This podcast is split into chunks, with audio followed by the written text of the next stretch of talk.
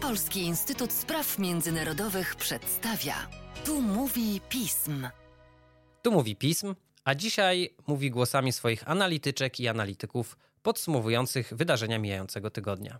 W ramach depeszy pism będziemy dzisiaj mówili o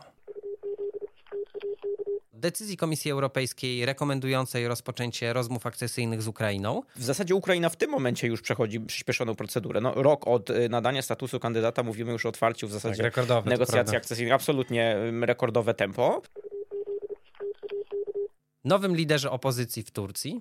Stambuł dla AKP, dla tego rządzącego ugrupowania, to jest takie oczko w głowie i tutaj będzie toczyła się gra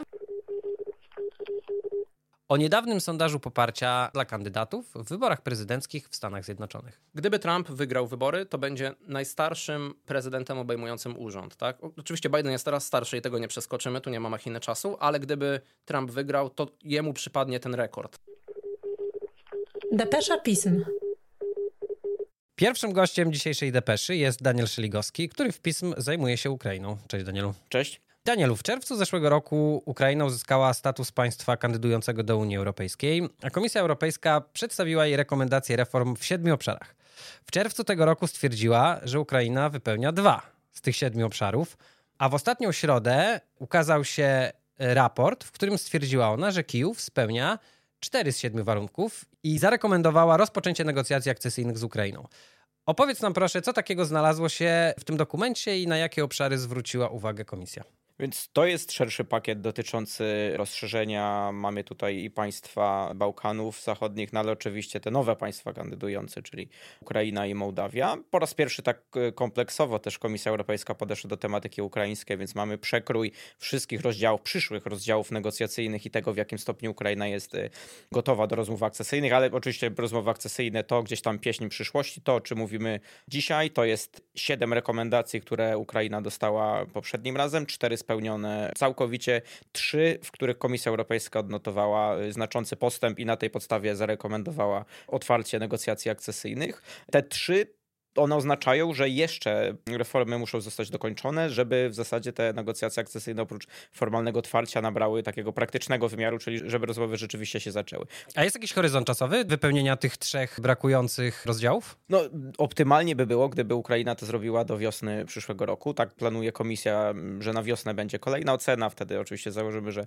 wszystkie te siedem rekomendacji będzie spełnione i Rada Europejska, czyli państwa członkowskie przyjmą ramy negocjacyjne, przyjmą stanowisko negocjacyjne na rozmowy z Ukrainą. Horyzont no nie jest długi, bo mówimy o czterech miesiącach, ale to też nie jest zbyt wiele y, tego zadania domowego, które dla Ukrainy zostało. Czyli na wiosnę, tak? Bo to ciekawe, bo wydaje mi się, że mówiło się gdzieś tam w połowie tego roku, że jednak na tym grudniowym szczycie, że będzie decyzja o rozpoczęciu negocjacji. Tak, bo mówimy tak naprawdę o dwóch kolejnych głosowaniach. Grudzień, czyli już za chwilę powinna zapaść formalna decyzja, że otwieramy negocjacje członkowskie. To raz a później przechodzimy do konkretyki, czyli e, wychodzimy już z, z pozycją negocjacyjną unijną. Tu jest taki trik, który komisja zastosowała. No on ma zmusić Ukrainę do tych reform. Czyli ok, otwieramy z wami negocjacje akcesyjne formalnie, ale zanim usiądziemy za stołem, to musimy jeszcze spełnić pewne warunki. Te trzy warunki, bo ja ich wcześniej nie wspomniałem, to są reforma antykorupcyjna, to jest kwestia dalszej walki e, z oligarchią, no i chyba ta kwestia najbardziej sporna, e, która powoduje napięcie z Węgrami, czyli kwestia mniejszości narodowych. Rozumiem. Jasne. Słuchaj, przechodząc właśnie do szerzej kwestii potencjalnej przynależności Ukrainy do Unii Europejskiej, wydaje mi się, że w Unii mamy do czynienia z grubsza z takimi dwoma grupami państw. Z jednej strony mamy kraje naszego regionu, ale też na przykład Włochy, które chcą, żeby Ukrainę jak najszybciej przyjąć do Unii, bo kluczowe jest jej wsparcie ekonomiczne, jakieś tam zakotwiczenie w tej zachodniej wspólnocie. A z drugiej strony mamy takie państwa jak na przykład, nie wiem, Niemcy czy Holandię, które podkreślają, że głównym celem procesu akcesyjnego jest reformowanie państwa. Jeśli Ukraina przyjmie się do Unii za wcześnie, czy, czy też może na kredyt, to nie będzie to służyło ani Ukrainie, ani Unii, bo po prostu takie państwo będzie dysfunkcyjne i dla swoich obywateli, obywateli i dla samej Unii. I chciałem cię zapytać, co ty sądzisz o argumentach obu tych stron? Mm, ja myślę, że obie strony mają rację. To jest bezprecedensowa sytuacja, rosyjska inwazja na Ukrainę. Otworzyło się pewne okno możliwości teraz. My politycznie to okno możliwości staramy się wykorzystać. W zasadzie Ukraina w tym momencie już przechodzi przyspieszoną procedurę. No, rok od y, nadania statusu kandydata mówimy już o otwarciu w zasadzie Tak, rekordowe, to negocjacji akcesyjnych. Absolutnie ym, rekordowe tempo. Natomiast to, jak już te negocjacje się otworzą i one będą postępowały, to tutaj ja nie widzę żadnej szybkiej ścieżki. To są negocjacje, a nie po prostu odhaczanie jakichś tam fajeczek i spełnianie zwykłych reform. To, o czym mówimy na końcu tego procesu, ja się zgadzam, że proces ma być pewnym e, takim stymulantem dla, dla ukraińskich reform, więc on na koniec ma doprowadzić do momentu, w którym Ukraina będzie zdolna wypełniać rolę państwa członkowskiego. Bo to nie chodzi tylko o to, żeby przyjąć jakiś, żeby je wdrożyć i tak dalej, ale jest wiele po prostu zobowiązań, które wynikają z uczestnictwa w Unii Europejskiej, a przede wszystkim gospodarczych. W tym momencie mówimy o zdewastowanej ukraińskiej gospodarce, oczywiście zdewastowanej w wyniku rosyjskiej inwazji. Tak, e, rozumiem, tylko no powiedziałeś, że jasne, to nie jest kwestia jakiegoś tam odfajkowywania tych reform, że po prostu trzeba je spełnić. Natomiast wydaje mi się, że jest też, taka, jest też taki pogląd, który mówi o tym, że powinniśmy trochę przymknąć oko na, spe, na spełnienie tych reform. I są w ogóle precedensy, tak? No bo Bułgaria w momencie, kiedy przystąpiła do Unii Europejskiej, nie miała wypełnionych wszystkich rozdziałów negocjacyjnych, prawda? Rumunia tak samo.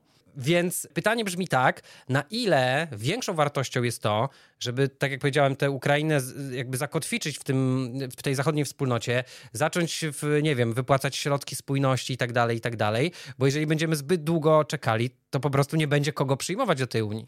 Czy na tej ścieżce jesteśmy w tym momencie, to chcę bardzo wyraźnie podkreślić. Przecież status kandydata dla Ukrainy był na kredyt. Status kandydata został Ukrainie nadany, bazując na pewnym założeniu, że Ukraina te siedem y, rekomendacji wypełni. Tak? Gdyby to była zwykła sytuacja z jakimkolwiek innym państwem członkowskim, to najpierw rekomendacje, później status kandydata. Więc po pierwsze, my na tej ścieżce już jesteśmy. Po raz kolejny trochę przymknęliśmy oko, bo to, co mówi Komisja Europejska, to jest y, sygnał następujący. No daliśmy wam siedem rekomendacji, wypełniliście cztery, trzy wam zostały, ale i tak się nieźle sprawiliście, a no poza tym jest wojna, więc y, po raz kolejny przymkniemy oko, otwieramy negocjacje akcesyjne. Więc jesteśmy cały czas na tej ścieżce. No i pytanie właśnie, czy nie kontynuować tego trendu na zasadzie, że jeżeli Ukraina będzie z reform, te e, 35 rozdziałów, jeżeli dobrze pamiętam, jeżeli będą mieli 70%, 80%, no to żeby troszkę machnąć ręką na te 20%, żeby nie przedłużać tego procesu. Też w literaturze naukowej się opisuje cały ten proces zmęczenia negocjacją, tego jak one się przedłużają,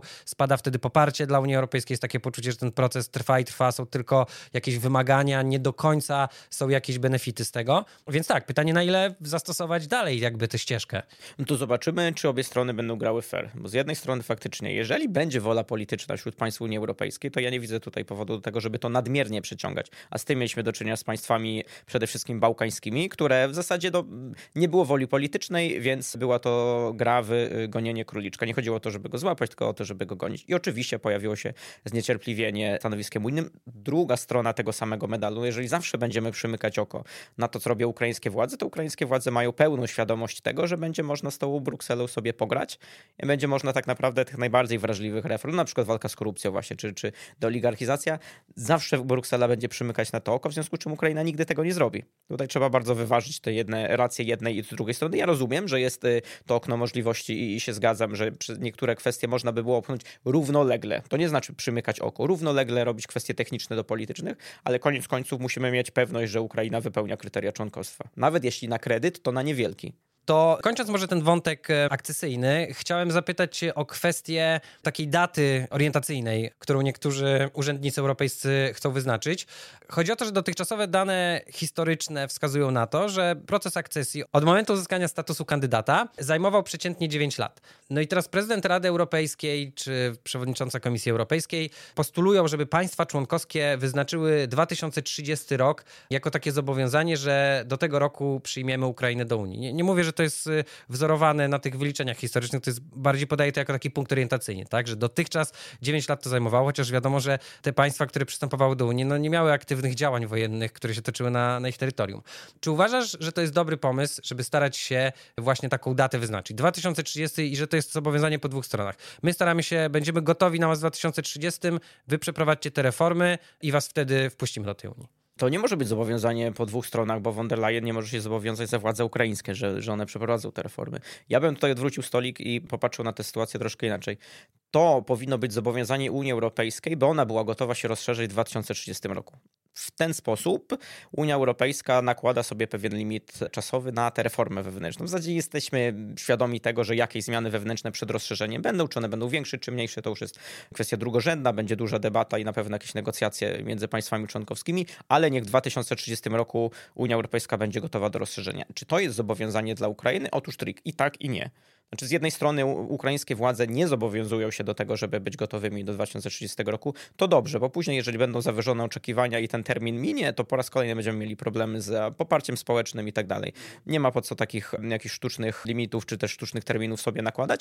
Tym niemniej to jest presja na władze ukraińskie, bo jeżeli Unia Europejska będzie gotowa w 2030 roku do rozszerzenia, a władze ukraińskie tego nie dowiozą, to ukraińskie społeczeństwo będzie zadawało niewygodne pytania. No już nieważne jakiemu prezydentowi i jakiemu rządowi, ale będzie zadawało niewygodne pytania. To Unia Europejska zrobiła zadanie domowe, a gdzie jest nasze zadanie domowe? I to jest dobra presja w twojej opinii? To znaczy, czy to byłoby coś, co właśnie by mobilizowało Ukraińców? Po prostu, czy uważasz, że to jest dobry pomysł, żeby tą datę 2030 po stronie niech będzie tylko unijnej wprowadzić? Niech to będzie data, która będzie dotyczyła przyszłej reformy unijnej i gotowości Unii Europejskiej do e, rozszerzenia, ale niech to absolutnie nie będzie data, która będzie uważana za polityczne zobowiązanie do dokonania rozszerzenia. Ja patrzę przede wszystkim perspektywami budżetowymi. To nie jest w tym momencie perspektywa budżetowa, która przygotowuje Ukrainę do akcesji. Dopiero kolejny budżet będzie ku temu przeznaczony. Tam będą specjalne środki prawdopodobnie na to, żeby Ukrainę do członkostwa przygotować. Co to znaczy, że być może jeszcze dwie perspektywy budżetowe realnie będą potrzebne do tego, żeby Ukraina do Unii Europejskiej przystąpiła. Więc raz, że te niepotrzebne są sztuczne limity po stronie ukraińskiej, ale niech Unia Europejska takie zobowiązanie polityczne po swojej stronie weźmie, bo to jest możliwe. Jasne. Danielu, bardzo Ci dziękuję za rozmowę. Dzięki wielkie. Depesza Pism kolejnej części Depeszy rozmawiam z Olą Spancerską, analityczką pism zajmującą się w naszym Instytucie Turcją. Cześć Ola. Cześć Tomku. W ostatnią sobotę Republikańska Partia Ludowa, główna opozycyjna partia w Turcji, wybrała swojego nowego lidera. Powiedz nam proszę, kim jest nowy przewodniczący i co to zmiana oznacza dla tureckiej polityki? Tak, nowym przewodniczącym jest e, Ozgur Ozel. Ozgur Ozel ma 49 lat. Jest o wiele młodszy od poprzedniego lidera Kemala Kılıçdaroğlu, który już był dobrze po 70. On jest z wykształcenia farmaceutą, ale no, od lat jest związany też z CHP, czyli z tą republikańską partią ludową, tą główną partią opozycyjną w Turcji. On e, był w środowisku kierowniczym blisko Kılıçdaroğlu, ale on nie był takim frontmanem, jakbyśmy to mogli powiedzieć. On nie jest tak widoczny medialnie, nie jest na pierwszych czołówkach gazet, no dopiero teraz po tych wyborach. No właśnie, ten człowiek nie był na pierwszych stronach gazet, a jednak udało mu się zdobyć te funkcje i teraz chciałem zapytać, dlaczego to się udało? To znaczy, co się stało z jego poprzednikiem, który 13 lat, jak rozumiem, te funkcje pełnił przed nim? No tak, no to tutaj jeśli chodzi o Kemala Kılıçdaroğlu, no w zasadzie takim czarę goryczy przerały te ostatnie wybory w maju, tak? Bo opozycja tutaj szła takim szerokim frontem, czyli tak zwanym tym stołem sześciu w wyborach parlamentarnych i Kemal Kılıçdaroğlu był liderem no, tej koalicji takiej bardzo szerokiej i jednocześnie on startował w wyborach prezydenckich i no, starał się tutaj rzucić wyzwanie Recepowi Tayyipowi Erdoganowi. No i e, opozycja poniosła porażkę zarówno w wyborach parlamentarnych, jak i prezydenckich.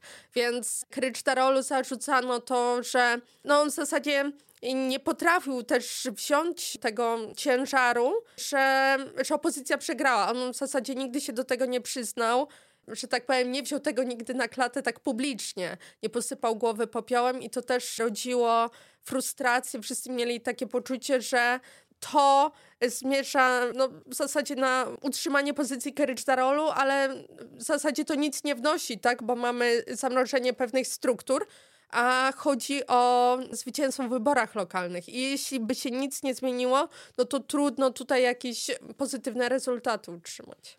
A jak oceniasz e, jego postać? To znaczy, uważasz, że on rzeczywiście jest w stanie tchnąć nowego ducha w tę partię? Jest w stanie zyskać poparcie jakichś nowych tutaj warstw społecznych?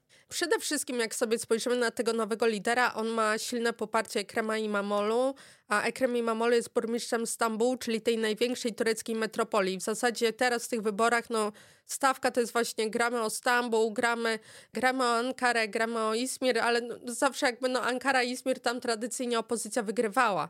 Chodzi o to, aby utrzymać Stambuł. I myślę, że ten duet, który znamy, czyli no już Imamolu, który jest, e, nawet często pojawia się tutaj w zachodnioeuropejskiej prasie, ale też polskiej i Özgür Ozel, myślę, że ten duet tutaj będziemy w najbliższym czasie często oglądać i myślę, że to jest um, no, taka szansa na nowe, konstruktywne otwarcie i ten wybór pokazał, że jest takie silne pragnienie zmiany. Wspomniałaś już, że opozycja chce grać o Stambuł i moje pytanie jest związane właśnie z tym, ponieważ w marcu w Turcji będą lokalne wybory.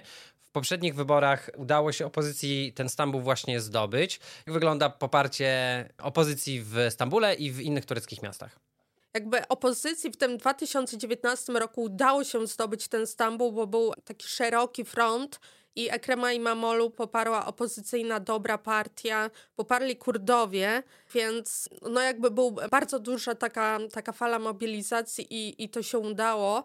I rzeczywiście Recep Tayyip Erdogan myślę, że poczuł się tutaj dotknięty tym osobiście, bo on sam był w ogóle burmistrzem Stambułu, zaczynał od tego swoją karierę polityczną, więc Stambuł dla AKP, dla tego rządzącego ugrupowania, to jest takie oczko w głowie i tutaj będzie toczyła się gra, więc to, czy oni utrzymają to, to też będzie zależało od tego, jak będzie na przykład układała się współpraca z dobrą partią, która jest drugim ugrupowaniem opozycyjnym na tureckiej scenie politycznej. I sama liderka tego ugrupowania, Meral Akşener, ona była bardzo w ogóle niechętna do postaci Kılıçdaroğlu, jeśli chodzi o jego kandydaturę na prezydenta. Negatywnie też odnosiła się do obecnych perspektyw sojuszu. I być może to nowe otwarcie w GHP spowoduje, że no będzie możliwość otwarcia nowej karty z innymi ugrupowaniami opozycyjnymi i to byłoby no oczywiście na rękę tutaj opozycji, a to będzie takim papierkiem lakmusowym, który nam powie, no z jakiej pozycji w ogóle będzie opozycja startować, jeśli chodzi o tą perspektywę kolejnych wyborów parlamentarnych i prezydenckich. Na koniec chciałem Cię zapytać o stanowisko Turcji wobec wojny Izraela z Hamasem. Turcja, wydaje się, starała się prowadzić taką wielowektorową zawsze politykę międzynarodową. Tutaj jest niby sojusznikiem w ramach NATO, tutaj kupuje uzbrojenie od Rosji, stara się gdzieś tam nie zamykać sobie, prawda, tych różnych dróg. I teraz chciałem zapytać, jak ta wielowektorowość przekładała się na sytuację na Bliskim Wschodzie i właśnie pozycję Turcji w stosunku do tego konfliktu? No tutaj sprawa jest e, mocno zniuansowana, bo Turcja w ogóle pod rządami Partii Sprawiedliwości Rozwojona od początku stawia się takiego roli adwokata sprawy palestyńskiej, w ogóle muzułmanów mm, na forum międzynarodowym, tak? Czyli chce reprezentować ich interesy i zawsze bardzo mocno to jest nagłaśniane. I ta kwestia palestyńska teraz wyszła na, na pierwszy plan. W ogóle warto zacząć od tego, bo o tym się mało mówi, mam wrażenie, w przestrzeni publicznej, że no, w przeciwieństwie do państw zachodnich, Turcja nie uznaje Hamas za organizację terrorystyczną, tylko Recep Tayyip Erdogan no, mówi o Hamasie jako takiej rodzaju organizacji o charakterze narodowo-wyzwoleńczym. Mówi o nich wręcz o mujahedinach, którzy walczą o swoją ziemię. Więc e, to zmienia nam w ogóle taką perspektywę patrzenia na ten konflikt, więc tutaj no, Turcja chce grać rolę pośrednika. No, pytanie, na ile ona może być w tym wszystkim wiarygodna, tak? Bo nie ukrywajmy, że Turcja przez wiele lat, no powiedzmy, to się tak zaczęło około 2010, kiedy ma mocne te związki z Hamasem, pozwala na formowanie jakichś biur politycznych na swoim terytorium, czy tam e, przywódcom. A jest jakieś finansowanie na przykład też? Tak. Nieoficjalne, oficjalne? Obydwoma kanałami, że tak powiem, to idzie. Teraz ostatnio były poczynione takie kroki normalizacyjne z Izraelem i nawet całkiem to nieźle szło, bo ostatnio Recep Tayyip Erdogan podał sobie rękę z Netanyahu i wszystko wydawało się, że być może będzie to zmierzać w dobrym kierunku i teraz wybuchła właśnie ta nowa odsłona konfliktu i w zasadzie Turcja w ogóle pali swoje wszystkie mosty w relacjach z Izraelem. Erdogan odwołał swoją wizytę w Izraelu, tak? I Turcja w ogóle proponuje taki system gwarancyjny, jeśli chodzi o rozwiązanie tego konfliktu. No pytanie na ile, czy to w tym momencie mogłoby być zaaplikowane, czy to nie jest jeszcze taka zbyt gorąca faza tego konfliktu. Rozumiem. Olu, bardzo Ci dziękuję, że nam przybliżałaś tutaj mandry tureckiej e, polityki. Wielkie dzięki za rozmowę. Dzięki bardzo. Depesza Pism. Moim ostatnim gościem jest dzisiaj Mateusz Piotrowski, nasz specjalista od spraw amerykańskich. Cześć Mateuszu. Cześć, dzień dobry. W ostatnią niedzielę, dokładnie na rok przed przyszłorocznymi wyborami prezydenckimi w Stanach, New York Times opublikował sondaż, według którego Donald Trump wygrywa z Joe Bidenem w pięciu z sześciu tak zwanych swing states, czyli stanów wahających się tych Stanach Biden wygrał wybory w 2020 roku, a teraz przegrywa z Trumpem różnicą od 4 do 5 punktów procentowych. Czy mógłbyś, Mateuszu, wyjaśnić, e, czym są swing states oraz co takiego sprawiło, że wyborcy odwrócili się od aktualnie urzędującego prezydenta? Krótko spróbuję wyjaśnić, że swing states to nie jest jakaś stała pula Stanów, która co każdy cykl wyborczy jest wahająca się. Gorzko się o tym przekonała Hillary Clinton w 2016, która w części Stanów uznanych za demokratyczne nie prowadziła kampanii aktywnej, a nagle się okazało, że te Stany jednak są wahające się i warto by było tam kampanię prowadzić. Wówczas wygrał Donald Trump. No właśnie, no bo wydaje mi się, że taki powszechny też odbiór tych swing states w Polsce, przynajmniej jak czytałem, jest właśnie taki, że to są takie Stany w, w cudzysłowie od dziada, pradziada, co właśnie były tymi Stanami wahającymi się, a i, i, i tam trzeba prowadzić kampanię, ale no właśnie też w poprzednich wyborach, prawda, jakby one się zmieniły, tak? Absolutnie tak. W 2016, w 2020 to było płynne. Wisconsin na przykład, teraz mówimy o nim jako o wahającym się stanie i ten sondaż, o którym wspomniałeś, dotyczy między innymi tego stanu. Czy Floryda, która była w 2016 i 2020 wahającym się stanem, będzie teraz wahającym się stanem po tym, jak w 2022 DeSantis wygrał tam wybory na gubernatora z przewagą ponad 20 punktów procentowych nad kandydatem demokratów? No wątpię, dlatego jest to definicja taka, definicja jest stała, ale pula stanów, która się w tą definicję Jasne. wpisuje, jest bardzo płynna. Jasne. No i co z tymi powodami, dla których wyborcy się odwrócili od Bidena? Pytanie, czy faktycznie się odwrócili, bo sondaż jest oczywiście jest ważny. To jest sondaż, którym w 2020 roku dawał Bidenowi zwycięstwo jako najbardziej poważnemu kandydatowi demokratów w prawyborach na zwycięstwo z Trumpem. To się sprawdziło. Wówczas sztab Bidena bardzo chętnie się tym sondażem posługiwał. Póki co nastała cisza w eterze, ale to się może jeszcze zmieni. Na pewno z drugiej strony zobaczymy, jak ze sztabem Bidena, czy nie będą używać jakichś argumentów wewnętrznych, jeżeli chodzi o Partię Demokratyczną. Natomiast powody, no przede wszystkim powiedziałbym, że gospodarka. Mimo, że to jest pewna mantra, to znaczy zasobność portfela przeciętnego Amerykanina jest podstawowym czynnikiem wyborczym w każdym cyklu wyborczym.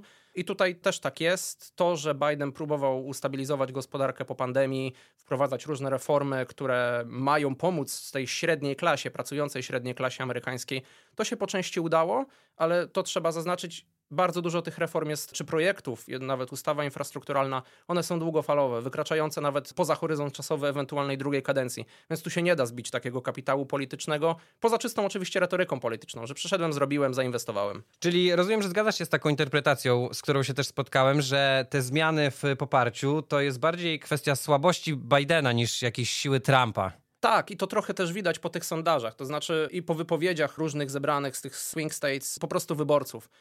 To działa w dwie strony. To znaczy, Biden jest słaby i Trump nie jest idealnym kontrkandydatem. Wolelibyśmy mieć kogoś innego, ale na ten moment wygląda on po prostu najbardziej poważnie. Oczywiście, że zagłosowałbym na kogoś innego, ale z braku laku to będzie Trump. I to działa też w drugą stronę. To znaczy, Biden nie jest naszym wymarzonym kandydatem, mimo że jest urzędującym prezydentem.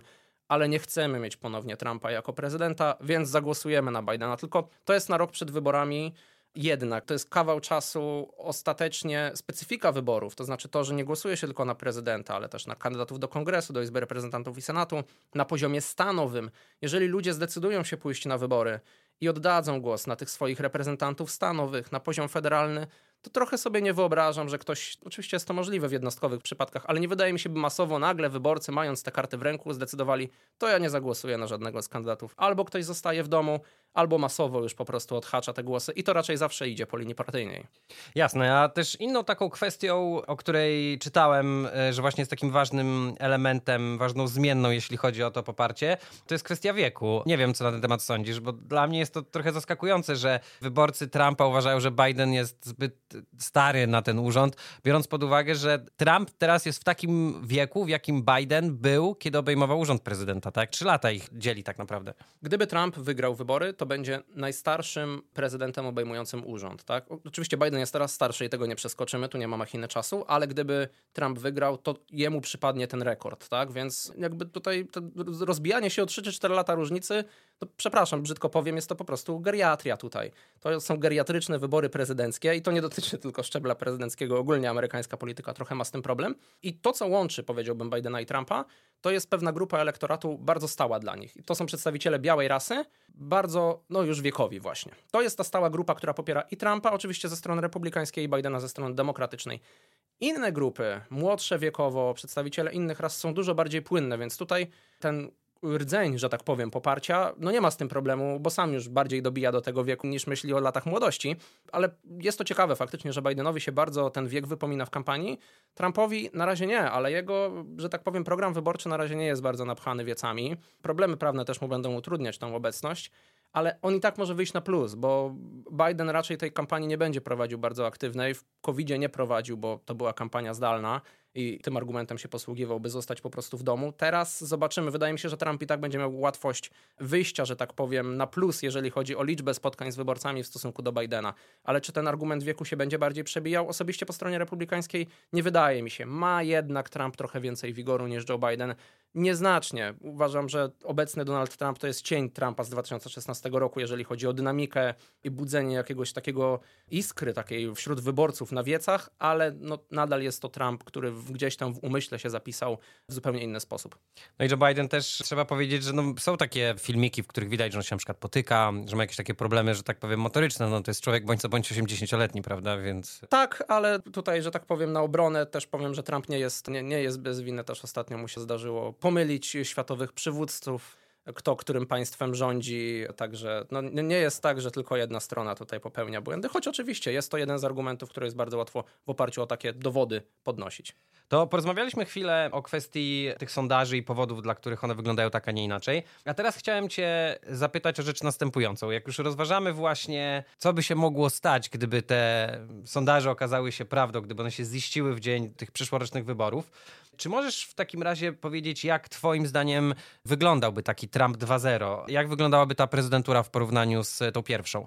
Przede wszystkim, i to trzeba podkreślić, to będzie zupełnie inny Donald Trump i zupełnie inna republikańska administracja nawet niż ta, z którą żegnaliśmy się 20 stycznia 2021 roku, gdzie tych ludzi z początku prezydentury było już bardzo mało. Część właściwie po wyborach odeszła. Na najwyższym szczeblu byli ludzie, którzy pełnili obowiązki, nie byli formalnie nominowani, zatwierdzeni przez Senat i tak dalej. Mimo wszystko dokonał się jednak ideologiczny, powiedziałbym, czy polityczny postęp po stronie republikańskiej od czasu zakończenia prezydentury. Ten trumpizm tak zwany przejął partię republikańską i to nim żyje jako taka partia republikańska, to widać w kongresie, widać po, po rosnącej liczbie kongresmenów, którzy się czują zwolennikami Trumpa, szukają jego poparcia, chcą też wspierać jego w przyszłości, gdyby został ponownie prezydentem, ale to nie jest tylko jakaś kwestia właśnie społeczna czy nawet polityczna, ale też tego poziomu eksperckiego.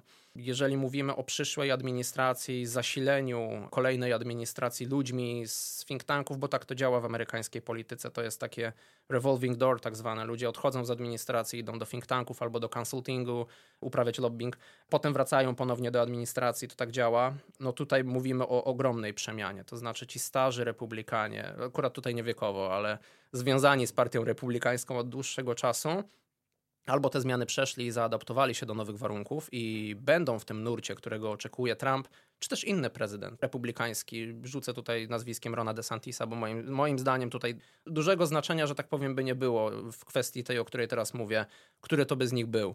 Kierunek jest, że tak powiem, bardzo podobny polityki. DeSantis zresztą wyrósł na, na Trumpie i Trumpizmie. A to na czym polega, jak mogę dopytać, taki, czym jest ten profil taki ideologiczny, bym powiedział, tego właśnie Trumpizmu 2.0?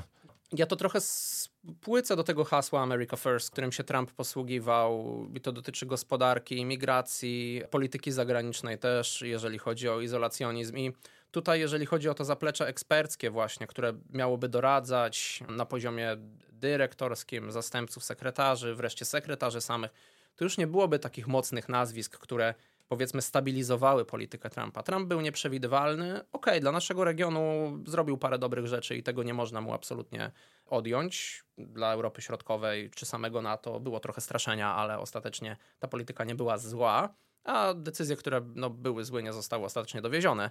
Natomiast zabrakłoby, że tak powiem, pewnych hamulcowych. Takie jest moje przekonanie. Zabrakłoby osób hamulcowych, które pewne złe decyzje byłyby w stanie podtrzymać. Ten deep state, tak? Głębokie państwo, to na co Trump właśnie narzekał, że nie pozwalają mu naprawdę wdrożyć jego idei. Trochę tak, dokładnie tak. To nie jest to też nie jest tak. No, trzeba sobie powiedzieć, że władza wykonawcza w Stanach jest zgromadzona jednoosobowo w rękach prezydenta i ci wszyscy ludzie dookoła pełnią rolę doradczą. Oczywiście prezydent im deleguje te obowiązki, ale ostatecznie decyzja jest jego. Oni mają mu zdanie doradzać. Natomiast to by była faktycznie zupełnie inna pula ludzi. Konserwatywne think tanki na czele z Heritage Foundation, które przeszło ogromną zmianę, moim zdaniem, w ciągu ostatnich kilku lat i bardzo nastawiło się na to, że Partia Republikańska przeszła, przeszła te zmiany, co też jest poniekąd słuszne jest gotowa do zasilenia, przygotowuje wręcz takie bazy danych ludzi, którzy mogliby zasilić kolejną administrację na każdym możliwym szczeblu. Czy to jest polityka zdrowotna, edukacja, polityka zagraniczna, po to, żeby zasilić naprawdę tysiącami ludzi tą administrację. Także to jest naprawdę od, oddolne przygotowanie, ale przeszli ogromną zmianę taką ideologiczną, nastawieni są na walkę z demokratami, z ich polityką po prostu uważaną za szkodliwą. Natomiast no, inny przykład, think tank, który został przez ludzi Trumpa założony po zakończeniu prezydentury, tutaj no, wymowna nazwa America First Policy Institute, także wiadomo o co chodzi mniej więcej. Takich ośrodków jest oczywiście więcej, ale to są miejsca, do których kolejna republikańska administracja się zwróci, że tak powiem, w poszukiwaniu ludzi, aniżeli do powiedzmy, nie wiem, Instytutu McCaina czy innych miejsc, które są związane z tą już no, minioną partią republikańską. Bardzo Ci dziękuję, że tak konkretnie scharakteryzowałeś to takie intelektualne podglebie, że tak powiem, nad którym mogłaby wyrosnąć ta nowa prezydentura. I teraz w nawiązaniu do tego chciałem Cię zapytać, jeżeli właśnie rzeczywiście by tak było, że ta zmiana by nastąpiła, że ten Trump zostałby tym prezydentem i właśnie ci jego doradcy wyglądaliby tak, a nie inaczej, jak to by się Twoim zdaniem przekładało na jedną z tych najważniejszych kwestii dla nas w Europie, czyli na kwestię mm, poparcia Ukrainy? Bo Trump Trumpem, ale czy to się zgrywa z poglądami tej bazy politycznej, jaką są republikanie, prawda? Stamtąd dochodzą już takie sygnały. Republikanie w kongresie przecież y, sprzeciwiają się zwiększeniu pomocy dla Ukrainy. Czy uważasz, reasumując, że republikanie i Trump razem mieliby jakieś spójne stanowisko w stosunku do Ukrainy i jakie ono by było? Trump i cała partia republikańska nie, bo w samej partii republikańskiej to nie jest przedmiot zgody. Natomiast to nie jest tak, że Trump jest tutaj solo, że tak powiem, w swojej wypowiedzi. Ma ogromne echo. Czy Trump jest ogromnym echem? Już ciężko powiedzieć, bo to jest tak jakby i partia republikańska, ta, ta część, która jest przeciwna kontynuacji wsparcia dla Ukrainy i Trump stoją powiedzmy po dwóch stronach tego samego kanionu i to echo zaczyna się odbijać. Nie wiadomo właściwie kto nadaje ten dźwięk pierwotny, ale oni sobie wtórują cały czas podkręcając tą retorykę. Absolutnie uważam, że Trump byłby jednak przeciwny. Zresztą to nie jest jakaś wielka świeżość, że, że Ukraina była w negatywny sposób powiązana z Trumpem. Tego dotyczył jego pierwszy impeachment, wstrzymania pomocy wojskowej dla Ukrainy w nawiązaniu do poszukiwania no, brudów, powiedzmy kolokwialnie, na Joe Bidena i jego syna w Ukrainie. To też jest sprawa, która politycznie się obecnie toczy. Tak trwa formalna strona procedury impeachmentu Joe Bidena z kolei teraz, także jakieś flashbacki z Wietnamu po prostu, jeżeli chodzi o działania kongresu, tylko w trakcie innej prezydentury. Natomiast jest to ogromne ryzyko. Teraz ciężko powiedzieć, bo rozmawiamy akurat w trakcie, kiedy ten pakiet na przyszły rok fiskalny, właściwie już trwający formalnie, jeszcze nie został przyjęty i nie wiemy, jaki, jaką będzie miał formę. Nie wierzę, że on nie przejdzie. Wydaje mi się, że przejdzie i uda się, że tak powiem, pogodzić tą część republikanów, która jest za wsparciem i nadal jest to bardzo duża część partii, z demokratami, którzy chcą wspierać tą Ukrainę dalej powiązania tego pakietu po prostu z innymi, to jest problematyczne z kwestią ochrony granic. No tutaj rozjazd między demokratami a republikanami jest ogromny. Natomiast jeżeli chodzi o środki, no jest bardzo realne, że jeszcze zanim prezydentura Trumpa nastąpi, republikanie będą naciskać na obcięcie przede wszystkim bezpośredniej pomocy finansowej, czyli tego budżetowego zasilenia dla władz Ukrainy. No to jednak powinno leżeć ich zdaniem po stronie państw europejskich Pomoc humanitarna może zostać przycięta. Nie twierdzę, że w ogóle wyrzucona pomoc wojskowa. Nie jestem przekonany, bo administracja Bidena wreszcie zaczęła argumentować, że połowa z tych środków, i tak po prostu jest, trafia z powrotem do przemysłu zbrojeniowego, więc stymuluje naszą gospodarkę, napędza naszą produkcję. Administracja i tak zwiększa te możliwości. Tutaj no, trzeba być po prostu bardzo negatywnie nastawionym do Ukrainy, żeby się temu przeciwstawiać. Także pomoc wojskowa póki co tak, utrzymana. Co będzie w 2025 w wypadku Trumpa? No, jeżeli z Białego Domu płynąłby sygnał, sygnał, że jednak powinniśmy ją obciąć, tą pomoc tak całkowicie albo przywrócić ją do poziomu taki, jaki był przed tą pełnoskalową inwazją, czyli 300 milionów dolarów rocznie, co no, z perspektywy czasu jest po prostu śmieszną kwotą, no to byłoby to bardzo problematyczne. Kongres mógłby, że tak powiem, wracać z inicjatywą w kontrze i bardzo te, te kwoty podnosić, ale taki sygnał z Białego Domu no, nie byłby po prostu dobry. Mateuszu, wielkie dzięki za rozmowę. Dziękuję bardzo. Depesza Pism. Tą rozmową kończymy dzisiejszą Depeszę Pism.